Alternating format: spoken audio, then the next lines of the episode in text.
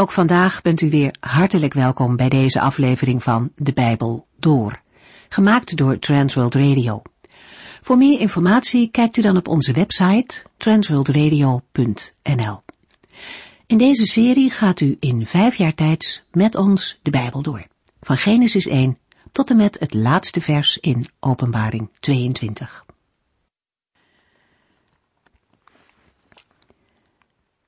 We zijn in deze serie bezig in het boek Spreuken. We bespraken vorige keer hoofdstuk 19.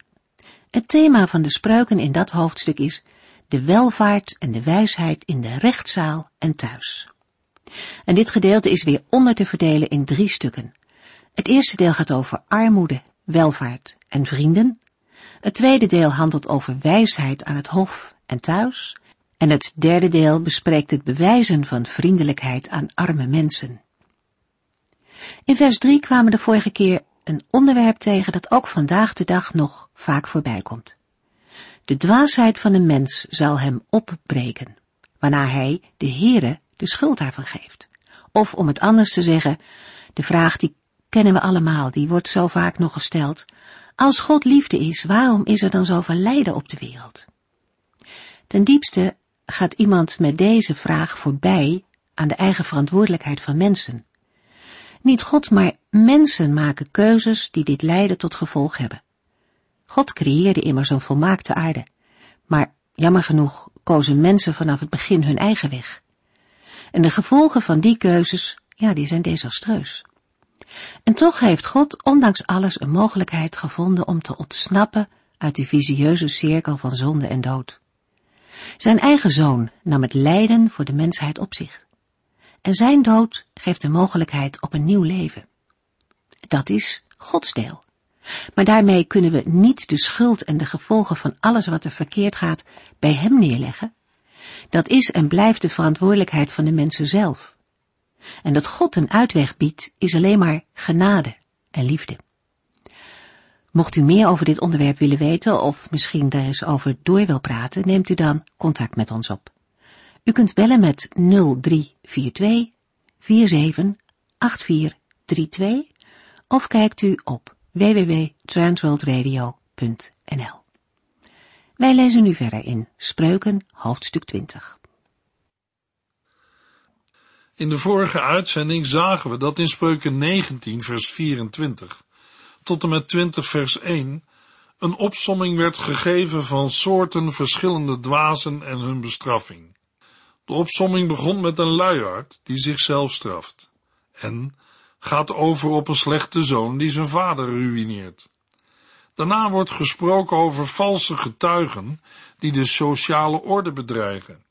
En tenslotte gaat het over de dronkaard die iedereen in gevaar brengt. De bestraffing van de dwaas begint met de tuchtiging van een spotter door middel van lijfstraffen en eindigt met de beschrijving van Gods straffen voor opstandigen. In het centrum van dit gedeelte staat de oproep aan de zoon om de verstandige raad van zijn vader op te volgen. Spreuken 19 vers 24 tot en met 20 vers 1 bevat een zekere ironie. De luiaard steekt zijn handen diep in zijn zakken, maar hij is vervolgens te laks en te lui om ze er weer uit te halen en te eten. Voor de vertaling zakken staat in de Hebreeuwse tekst schaal of schotel. Met de vertaling zakken is meer voor de uitleg gekozen dan voor een letterlijke vertaling van de Hebreeuwse woorden. Het beeld dat wordt getekend is een beeld van een mens die soms een veelbelovende start maakt, maar zijn werk niet afmaakt. Het heeft tot gevolg dat hij maatschappelijk volledig vastloopt. In Spreuken 19 vers 25 krijgt de opvoeder vervolgens opdracht de spotter te bestraffen, zodat een onervaren mens door correctie inzicht krijgt en verstandig wordt. Een spotter geldt als de ergste dwaas en het is onmogelijk dat hij verandert. Maar dat betekent niet dat een bestraffing van een spotter niet tot doel heeft hem te veranderen. Voor bestraffen staat in de Hebreeuwse tekst slaan. Het geeft aan dat er bij een bestraffing lijfstraffen werden gebruikt. Het lijfelijk bestraffen van spotters heeft zin voor beginnelingen of onervarenen. Dat zijn jongeren die nog kneedbaar zijn. Het is mogelijk dat zij door middel van de lijfstraf tot bezinning komen over hun daden of houding en veranderen. Dat wil zeggen, verstandiger worden. In onze taal kennen we de zegswijze, die niet horen wil, moet voelen. Hierna volgt in vers 26 een beschrijving van een ontaarde zoon.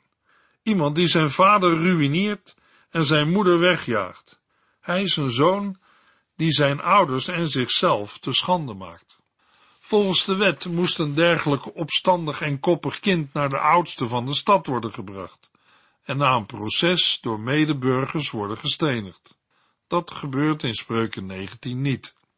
Volgens Spreuken 20 vers 20 zal een ontaarde zoon door een goddelijk oordeel omkomen. Hij zal alles verliezen en achterblijven in een inktzwarte duisternis zonder enig lichtpunt. In vers 27 wordt deze zoon toegesproken.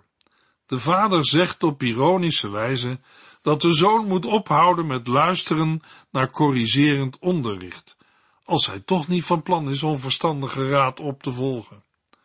Onderwijs heeft volstrekt geen zin voor iemand waarvan het hart gericht is op andere dingen dan de Heere en zijn wil.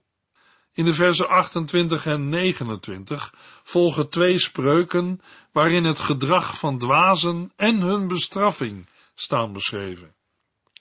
In de eerste spreuk wordt gesteld dat een nietswaardige getuige of boosdoener spot met de wet en dat de goddeloze gretig van de ongerechtigheid slobbert.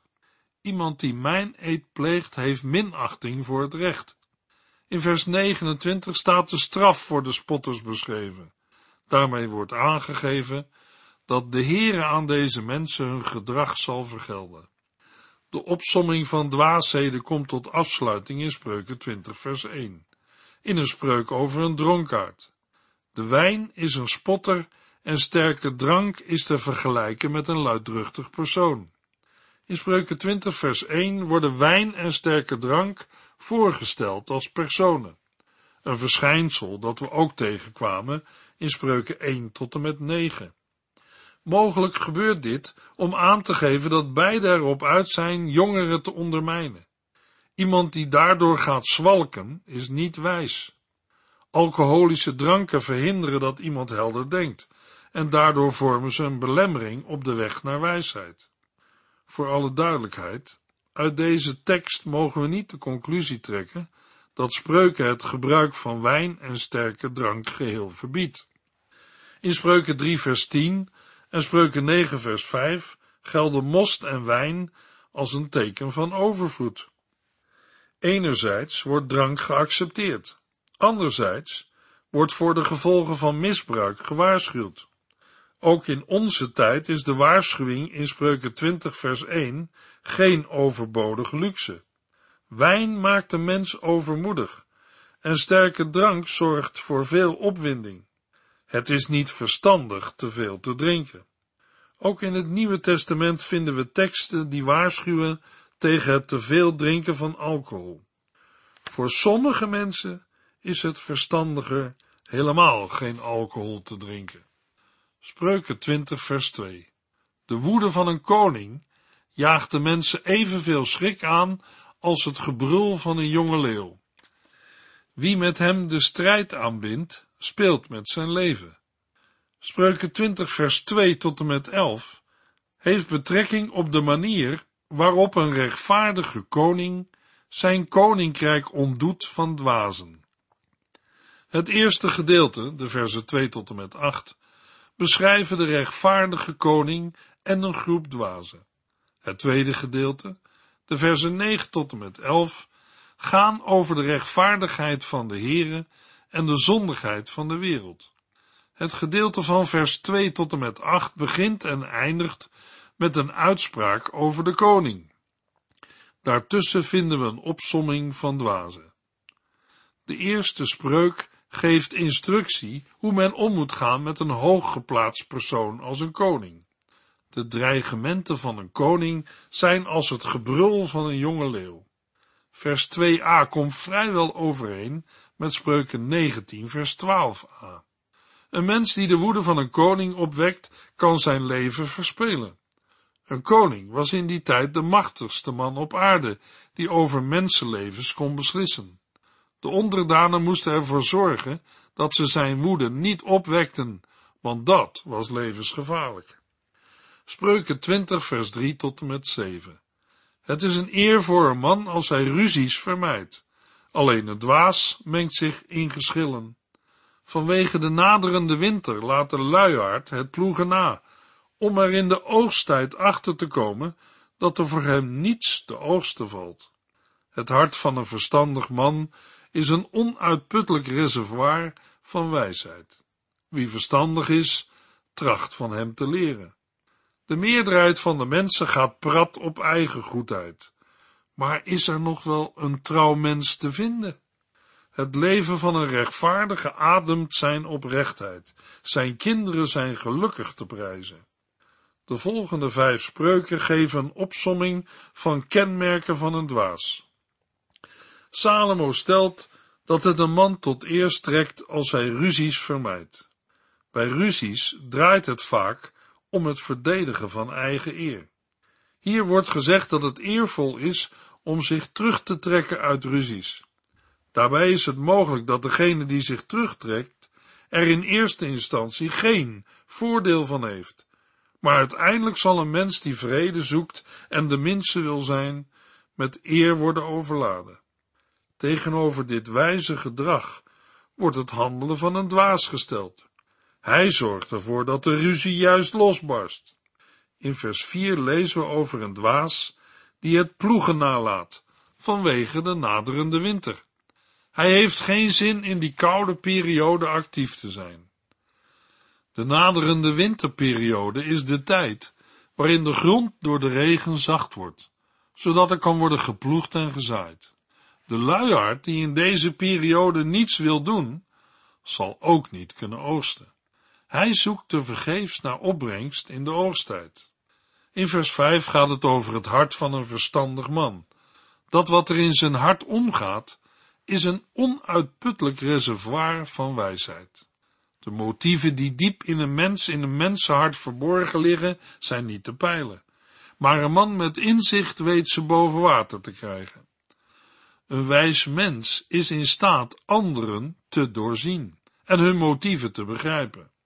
In het Nieuwe Testament lezen we dat in Johannes 2, vers 25. Daar wordt over de Heer Jezus gezegd: Niemand hoefde hem iets over de mens te vertellen, want hij wist wat er in een mens omgaat. Spreuken 20, vers 6 gaat over de eigen goedheid van mensen. Veel mensen gaan er prat op en zeggen dat ze betrouwbaar zijn, maar wie kan er nog een betrouwbaar mens vinden? Hiermee wordt de schijnheiligheid van ons mensen verwoord.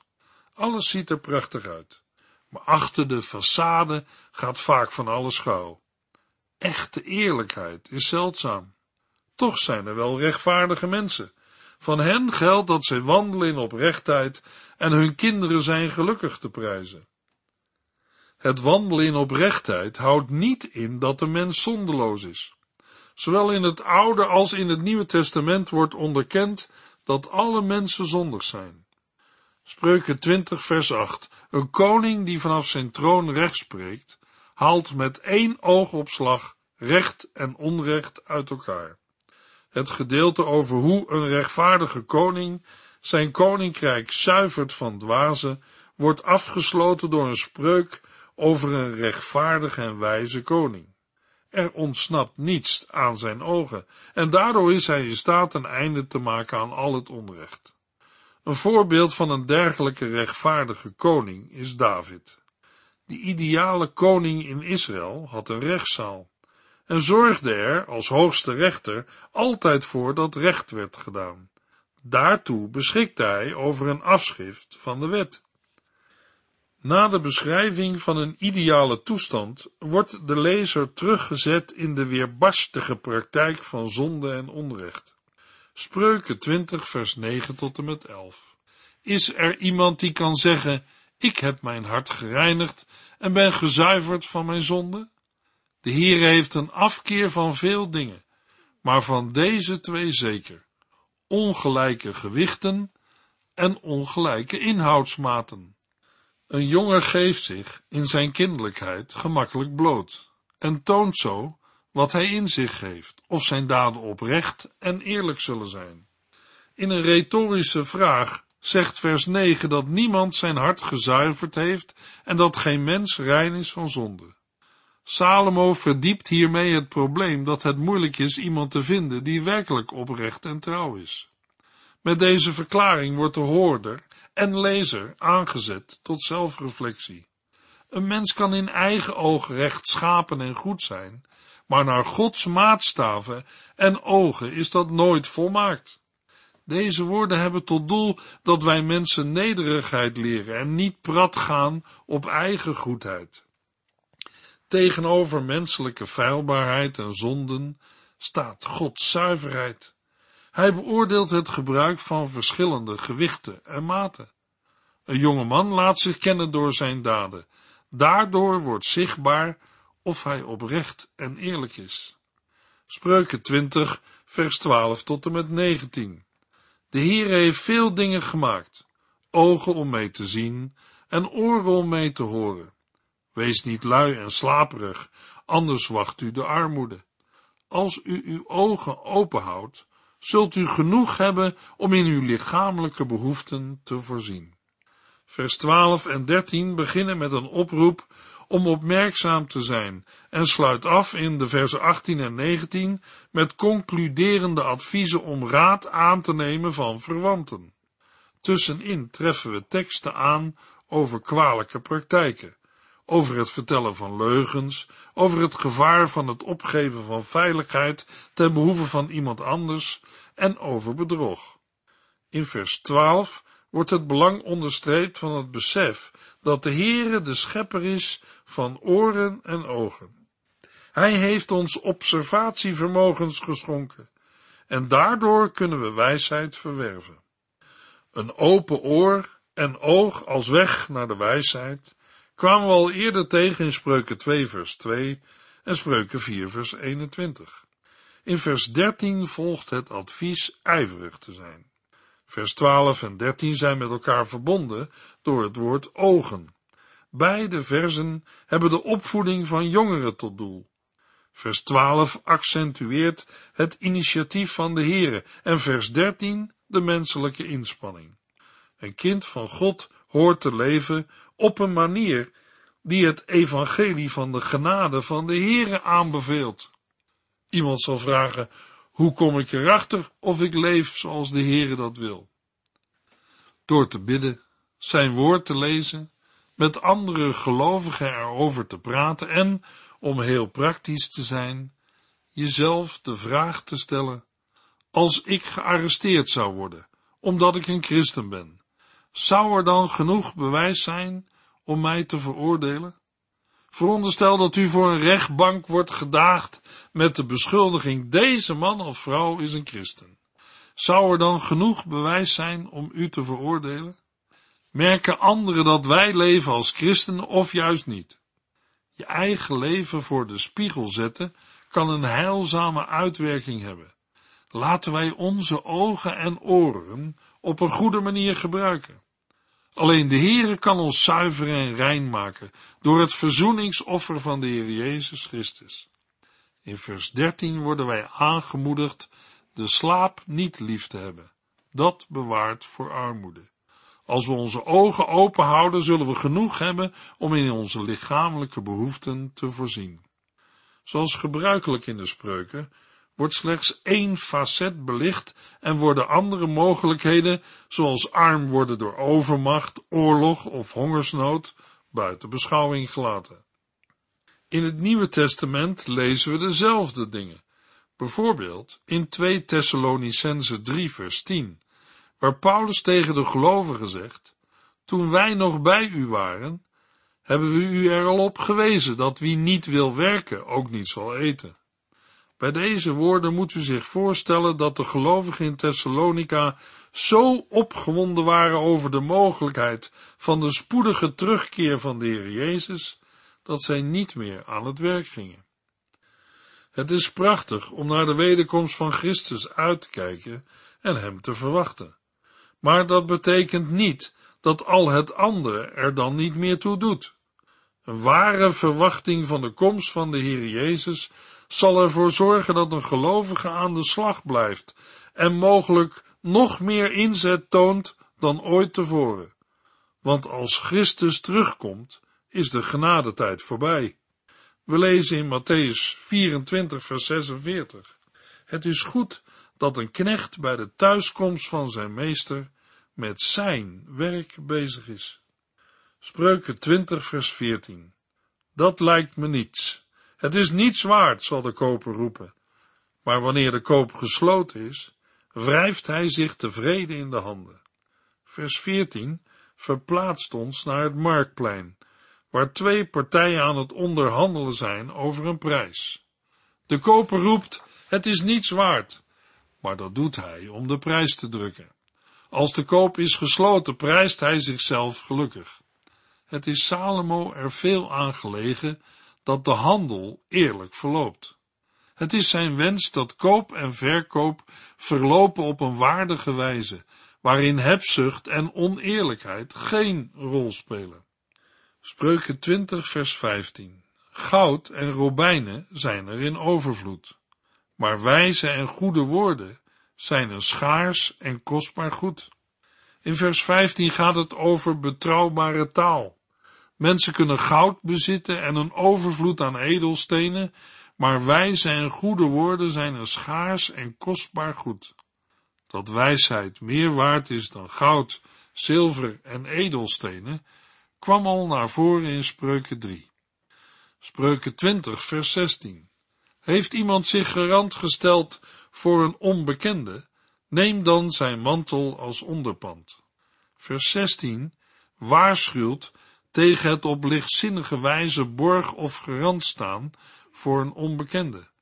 Salomo geeft het advies om van de onbekende zijn mantel als onderpand te vragen. Een mantel geldt als het meest persoonlijke bezit en dient tegelijk als deken voor de nacht. Als een dergelijke mantel als onderpand ter beschikking was gesteld, moest het voor de nacht worden teruggegeven. In het Bijbelboek Spreuken lazen we al eerder waarschuwingen tegen lichtzinnige borgstelling. Spreuken 20 vers 17 Onrechtmatig verkregen goed smaakt aanvankelijk zoet, maar verandert tenslotte in een mond vol scherpe stenen. Op oneerlijke manier verkregen goed gedijt niet. Voor het woordje goed staat in de Hebreeuwse tekst brood, wat zowel letterlijk als figuurlijk kan zijn bedoeld. De betekenis blijft hetzelfde. Oneerlijk verkregen goed of brood gedijt niet. In twee afsluitende zinnen worden jongeren aangespoord verstandig te handelen. Spreuken 20 vers 18 en 19. Goede adviezen brengen gedachten tot uitvoer. Bind de strijd pas aan na overleg. Een roddelaar maakt zaken bekend die verborgen moesten blijven. Bemoei u daarom niet met mensen die uw uitspraken ontlokken. Dat bijvoorbeeld een oorlog wordt gewonnen door het voeren van een goede strategie, blijkt mede uit de geschiedenis van de adviseurs Guzai en Achitophel in 2 Samuel 15 tot en met 17. Er zijn ook personen die roddelend rondgaan en geheimen openbaar maken. Het is beter zich niet in te laten met een loslippig mens. Laster en het doorvertellen van geheimen getuigen van trouweloosheid. In de wet van God is roddelen een zonde.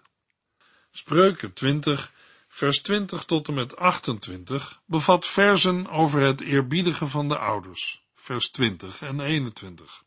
Een deel waarin wordt opgeroepen de Here te vertrouwen met het oog op vergelding, vinden we in de versen 22 tot en met 25.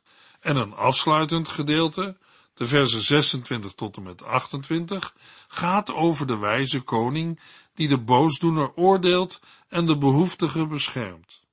Uit ieder gedeelte lees ik een vers voor. Spreuken 20 vers 20.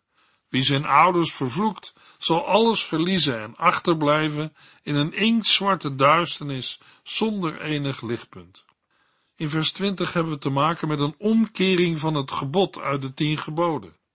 De reden waarom ouders zo belangrijk zijn in het Bijbelboek Spreuken, is dat zij het wijsheidsonderricht doorgeven. Spreuken 20 vers 24. De Heere bepaalt het leven van de mens, dus hoe zou de mens zijn levensweg kunnen begrijpen? Tegenover Gods macht staat de kleinheid van mensen.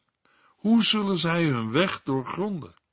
In vers 24 wordt menselijke kracht en inzicht gerelativeerd en klinkt indirect het advies zich door de Here te laten leiden. Spreuken 20 vers 25.